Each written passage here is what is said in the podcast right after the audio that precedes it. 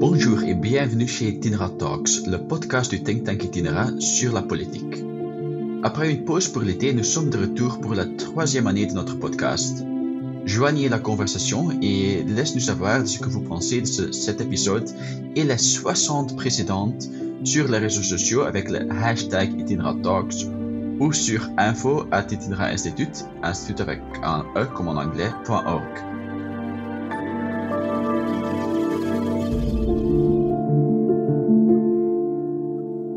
rentrée, c'est pas seulement le retour de notre podcast, mais aussi, voire surtout, celui de nos élèves à l'école. Mais qu'est-ce qu'ils trouvent là-bas?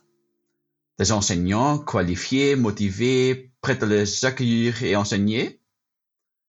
Des personnes motivées mais moins qualifiées? Ou pire, des classes vides avec un petit livre et cahier d'exercices par manque d'enseignants?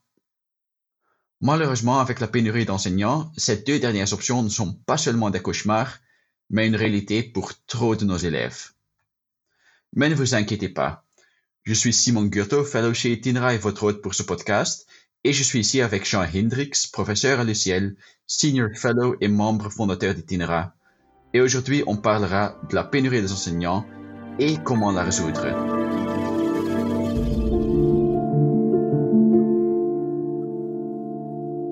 Bonjour Jean, j'espère que tu as passé de bonnes vacances et que la rentrée se déroule bien en tant que professeur et en tant que parent. Oui, tout se passe bien. Hein. La rentrée est un peu euh, chahutée, j'ai envie de dire. Hein. Certaines écoles ont souffert des inondations, notamment du côté francophone, et ont dû, euh, en catastrophe, un peu euh, remettre de l'ordre dans, les classes. grâce à un effort remarquable des enseignants et des, et des enseignantes, en fait, hein, et des chefs d'établissement. C'est incroyable. Pensons que l'enseignement, surtout francophone, n'a pas encore assez de défis. Euh, et après, on, a cette inondation. Mais ça, c'est un sujet très important, mais pas le sujet d'aujourd'hui. Euh, aujourd'hui, on parlera de la pénurie. Tout d'abord, est-ce que la pénurie des enseignants est plutôt francophone ou est-ce qu'on la trouve aussi en Flandre? Non, en fait, c'est un sujet qui est euh, malheureusement partagé euh, entre les deux communautés. Donc, comme dans mon ouvrage avec euh, Christophe De Witt, hein, l'école du renouveau, nous avions consacré un chapitre à ce sujet de la pénurie.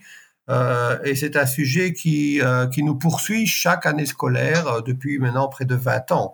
Hein. En fait, en, 2002, la communauté française avait déjà remis un rapport sur la pénurie des enseignants et, euh, et, ce rapport, le rapport de Motte, euh, Rudy de Motte et, et, et AZ, euh, avait déjà listé ben, le problème, décrit assez clairement le problème et proposé un certain nombre de recommandations, dont certaines sont remises à l'ordre du jour aujourd'hui. Donc, et du côté flamand, j'ai lu plusieurs interviews et je constate effectivement que le problème est le même. Et en fait, il y a un, un, un problème structurel en fait dans notre système d'enseignement. Certains vous diront c'est que l'enseignement, bah, c'est un peu euh, n'attire plus euh, les jeunes, mais en fait, on a vraiment un problème de relève démographique. On n'en parle pas assez, mais nous avons une vague de départ assez massif des enseignants plus âgés qui partent à la pension. Et nous avons une relève qui est insuffisante. Elle est d'autant plus insuffisante que l'on a décidé de rallonger notamment la durée d'études euh, pour, euh, pour avoir accès à la profession qu'on a durci les conditions d'accès et qu'on n'a pas vraiment amélioré euh, les qualités de l'emploi. Donc, une certaine précarité d'emploi chez les jeunes qui restent. Les jeunes doivent parfois attendre 4, 5, 6 ans pour avoir un horaire complet et en entre-temps, ils ont du temps partiel euh, qui est un peu dispersé sur différentes écoles. Et donc, on trouve des cas que, la presse euh, aime faire remonter à la surface, à savoir certains enseignants qui se retrouvent à devoir enseigner dans 4, 5, 6, 7 écoles parfois différentes. Oui, en tout cas, ça sont beaucoup comme des histoires qu'on a aussi en Flandre sur euh, la pénurie des enseignants. Et j'ai bien compris que le rapport était de 2002 et que le décret d'aujourd'hui, c'est de 2020, 18 ans après que les recommandations sont été formulées. Oui, absolument. Et ce qui est assez remarquable, c'est que finalement, ce décret euh, poursuit euh, deux, euh, à deux mesures phares, qui sont déjà des mesures que l'on retrouve dans le rapport euh, de Mott AZ. Hein. Donc, une des premières mesures, c'était d'aller, d'avoir plus de flexibilité en fait dans les contrats de travail et permettre finalement aux enseignants qui le souhaitent de prester des heures supplémentaires. Euh, et la deuxième piste qui est proposée dans ce décret, qui est appelé maintenant décret anti-pénurie, euh, le, retour, si vous voulez, des plus âgés, donc qui sont partis à la pré-pension ou à la pension, donc de revenir euh, en activité. Euh, et donc ces deux mesures ont été mises en œuvre, on peut les évaluer, on va en discuter, mais c'était des mesures qui étaient déjà suggérées dans le rapport de Mott et Azet. Donc il a fallu effectivement attendre près de deux décennies pour mettre en œuvre ces mesures.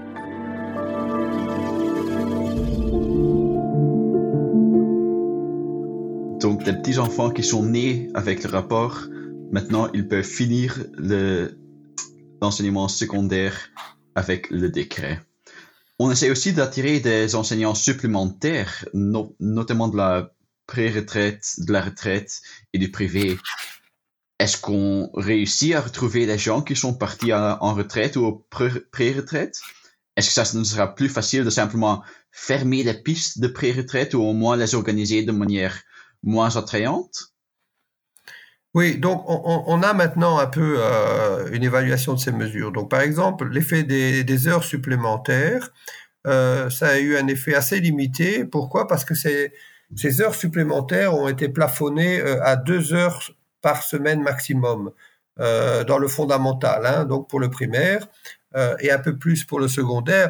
Mais donc, ça veut dire, si je regarde un peu, un horaire complet, c'est 22, 22 heures hein, par semaine. Et donc, deux heures, ben, ouais, ça vous fait un peu du 10% euh, en plus. C'est assez limité. Et, euh, c'est surtout euh, restreint au, personnel qui est nommé. C'est-à-dire qu'en fait, ça exclut de facto euh, les jeunes enseignants qui justement aimeraient compléter leur horaire en fait euh, en début de carrière. Donc ça, c'est un peu surprenant. Et, donc la mesure a eu finalement très peu d'effet sur bah, sur le euh, le problème de la pénurie. Hein. Donc l'idée essentiellement, c'est euh, d'utiliser les effectifs existants, mais euh, de les utiliser plus intensivement en leur faisant prester plus d'heures. La, la, deuxième piste, c'était celle qui consistait à ouvrir, à avoir une certaine réversibilité dans les, dans les départs à la pension. Bon, eh bien là, ça a eu très peu d'effet puisque seulement 13 personnes hein, au niveau de la communauté française. Hein. on a un effectif de 100 000 enseignants.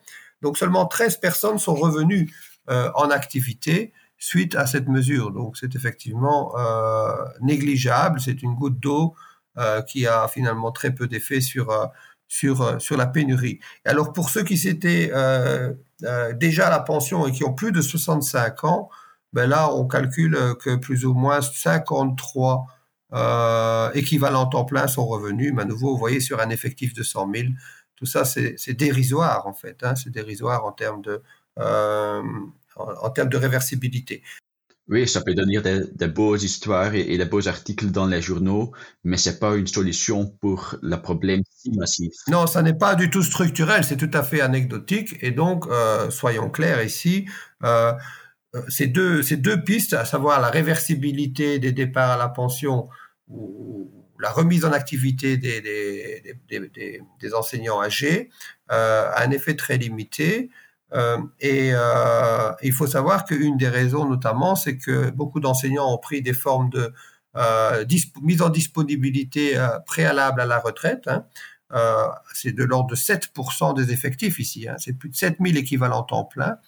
Et ce sont des disponibilités, des départs préalables à la retraite qui sont irréversibles. Et donc ici, on se pose quand même la question de savoir pourquoi on n'agit pas plutôt sur ce levier-là. On a 7000 équivalents temps plein où on pourrait essayer d'introduire une réversibilité dans, euh, dans ces fins de carrière. Alors, l'autre piste qui était quand même, euh, on a beaucoup parlé dans la presse, je pense que ça a aussi été fort discuté en Flandre, c'est euh, l'ouverture des euh, postes d'enseignants au privé.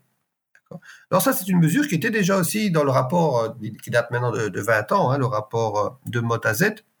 Et l'idée, c'était de, ben, d'ouvrir en quelque sorte les postes d'enseignants à des personnes en milieu de carrière euh, qui voudraient du privé, qui voudraient se réorienter vers l'enseignement. Et euh, ça a été autorisé. Euh, de facto en termes d'équivalence de diplôme, puisqu'on a rajouté au titre requis la mention titre suffisant. mais euh, malheureusement, l'ancienneté euh, est remise à zéro. Hein. Donc, vous voyez, votre compte ancienneté, qui est essentiel pour déterminer le traitement, eh bien, il est remis à zéro. Donc, si vous avez déjà 20 ans ou 25 ans de carrière dans le privé, bien, vous repartez à zéro et donc euh, vous êtes sur un niveau de, une échelle de traitement qui est 50 à 60% plus faible que ce que vous aviez euh, auparavant compte tenu euh, de votre ancienneté. Donc, si vous ne pouvez pas valoriser l'ancienneté, et ce n'est toujours pas possible aujourd'hui, euh, eh bien, vous attirez peu de gens et de fait, on constate dans les chiffres que très peu de personnes du privé se sont orientées vers l'enseignement. Donc, voilà trois pistes qui n'ont pas donné de résultats. et nous restons du côté francophone, et j'imagine que ces pistes ont aussi été développées du côté flamand sans, avec un effet négligeable si vous n'ajustez pas, vous n'attaquez pas au problème de, l'équivalence des anciennetés, c'est-à-dire les années de carrière dans le privé doivent être valorisées aussi dans l'ancienneté pour un enseignant qui, euh, vient du privé, eh bien ça, ce n'est pas euh, attrayant.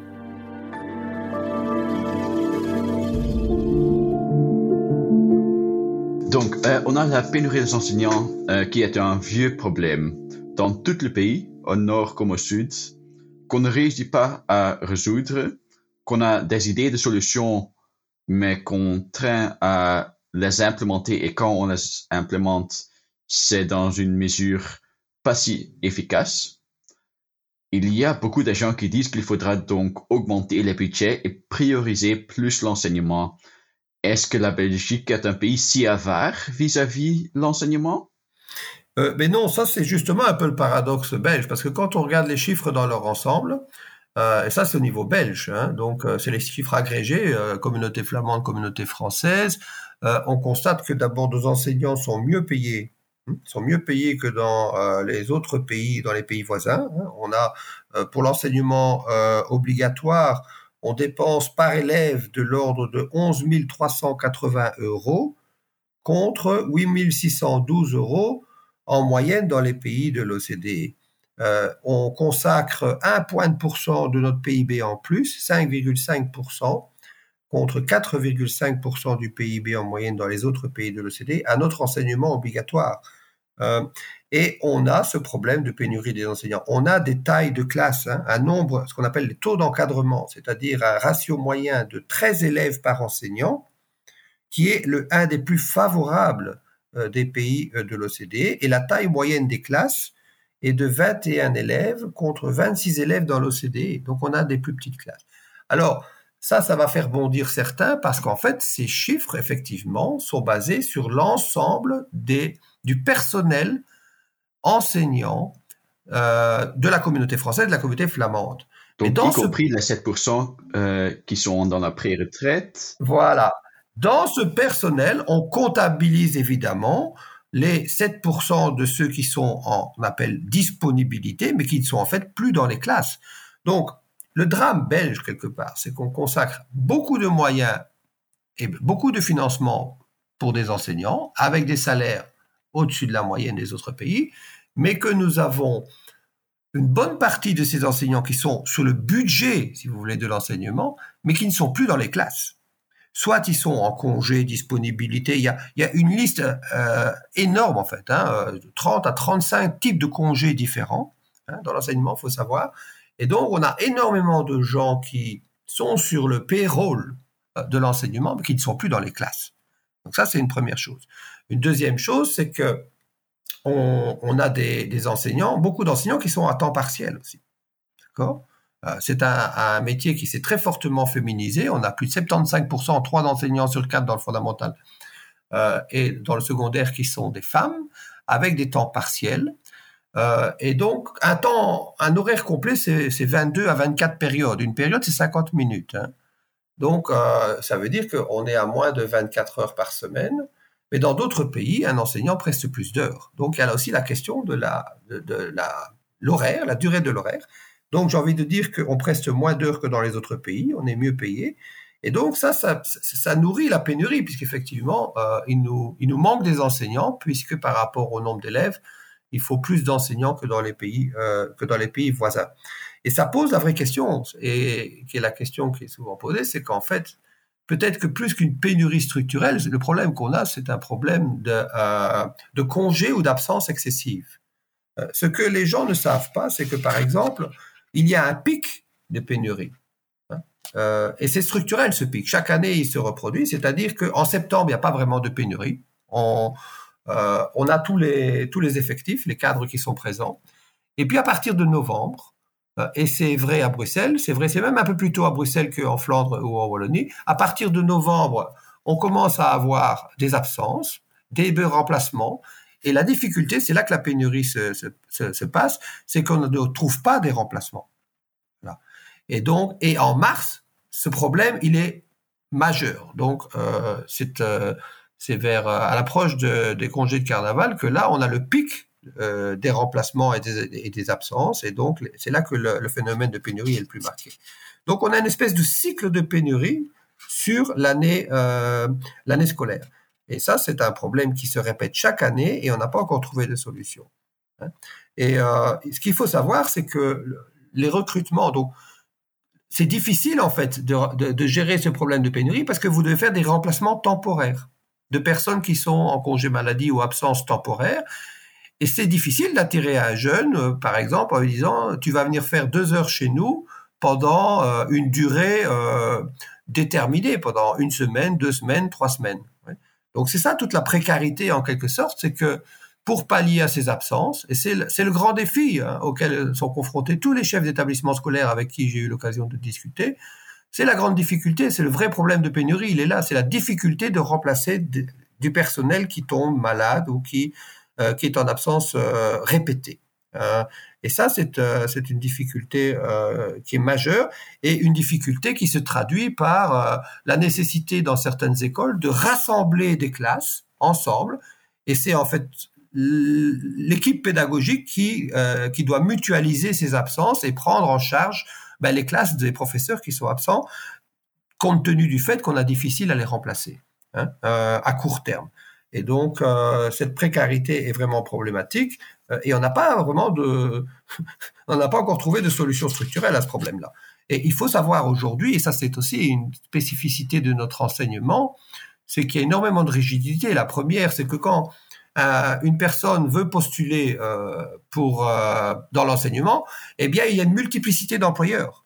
On n'a pas une plateforme commune où on peut déposer son CV en quelque sorte et, postuler dans une zone géographique donnée. Il faut aller sonner, toquer à la porte d'un chef d'établissement euh, ou du pouvoir organisateur et, euh, et, déposer en main propre, c'est littéralement comment ça se passe, euh, son CV.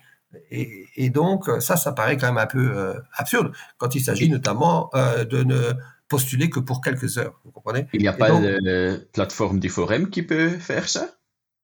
Eh bien, elle ne le fait pas. Donc, il manque quelque part, euh, donc c'est une première piste assez évidente, mais une plateforme commune qui permettrait aux, euh, aux candidats enseignants, notamment ceux qui viennent du privé, les jeunes, de euh, déposer leur candidature sans devoir aller se rendre en personne dans le bureau d'un chef d'établissement scolaire dans telle commune ou telle autre commune. Donc ça, c'est une, euh, une, première, euh, une première remarque. Et, la deuxième, c'est c'est la difficulté qu'il y a pour les gens qui viennent, pour les, enseignants diplômés, donc c'est un problème d'équivalence, mais des autres pays européens. Hein, on, on, pense que dans, avec le décret Bologne, tous les diplômes sont équivalents. Donc un enseignant français qui vient travailler en Belgique eh bien, euh, il a énormément de barrières. Il n'a pas d'équivalence automatique, en fait, de son diplôme d'enseignant, par exemple en maths, ou, en biologie, ou en géographie, ou en histoire. Euh, il n'y a pas d'équivalence automatique de son diplôme, euh, contrairement au décret Bologne d'ailleurs, de son diplôme, pour lui permettre de, de postuler immédiatement ici, notamment par exemple à Bruxelles, ou à des grandes pénuries d'enseignants. Ouais. de la même manière, un enseignant hollandais, qui aurait son diplôme d'enseignement ne pourrait pas venir euh, donner des cours de néerlandais à Bruxelles alors qu'on a une pénurie d'enseignants de, néerlandais à Bruxelles. Pour la même raison, parce qu'il n'y a pas cette équivalence automatique. Et, en plus de l'équivalence automatique, il faut faire un test linguistique euh, spécifique euh, à, la communauté française. tout ça nous semble assez, assez absurde. Et donc, le, médiateur, chaque année, mentionne ce problème, et ce problème n'est toujours pas résolu.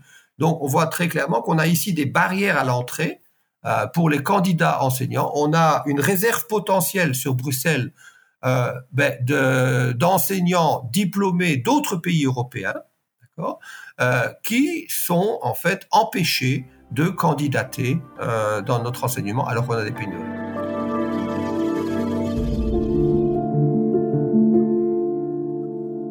Tu viens de dire quelque chose de très remarquable, en effet, euh, parce que tu disais qu'en septembre, il n'y a pas de pénurie, normalement. Mais le presse néerlandophone ne s'arrête pas les derniers jours, voire les dernières semaines, à dire combien des écoles en Flandre réussissent pas à trouver des enseignants. Je viens de, de, lire un article ce matin que ma ville de Caen cherche encore 100 enseignants pour les écoles, les différentes écoles de la ville. sont enseignants qui qu'on ne trouve pas. Euh, donc, est-ce que tu es sûr qu'il n'y a pas de pénurie? Ici, euh, ce dont tu parles, à mon avis, c'est lié au recrutement supplémentaire, les recrutements Covid. Hein. Donc, euh, en Flandre, on a libéré, on a, on a créé 2500 nouveaux postes d'enseignants. Donc, c'est des nouveaux, mais ce sont des postes temporaires d'une durée déterminée de un an pour faire face au retard scolaire accumulé par les élèves durant la crise Covid. Et donc, ce sont des, recrutements euh, supplémentaires qui doivent être faits euh, en dernière minute, mais avec une durée limitée dans le temps de un an. Donc, ce sont des recrutements temporaires. Et ça, ça rend difficile, évidemment, de trouver des candidats, euh, puisque parfois, dans certains cas, il s'agit de, ne donner que quelques heures à des jeunes candidats qui devront alors construire un horaire complet euh, sur plusieurs écoles et en plus sans garantie d'être renouvelé l'année suivante. Et donc ça, on revient au problème majeur, c'est que quelque part, on a structurellement un problème de relève démographique dans l'enseignement, tant francophone que néerlandophone. Ce problème de, relève, de, renouvellement est lié à un départ massif à la pension d'un corps enseignant qui est vieillissant euh, et euh, d'une précarité à l'emploi pour les jeunes qui fait que postuler dans ce secteur euh, n'est pas vraiment euh, n'offre pas un job stable. Hein. Ce sont des jobs à durée temporaire et à horaire incomplet.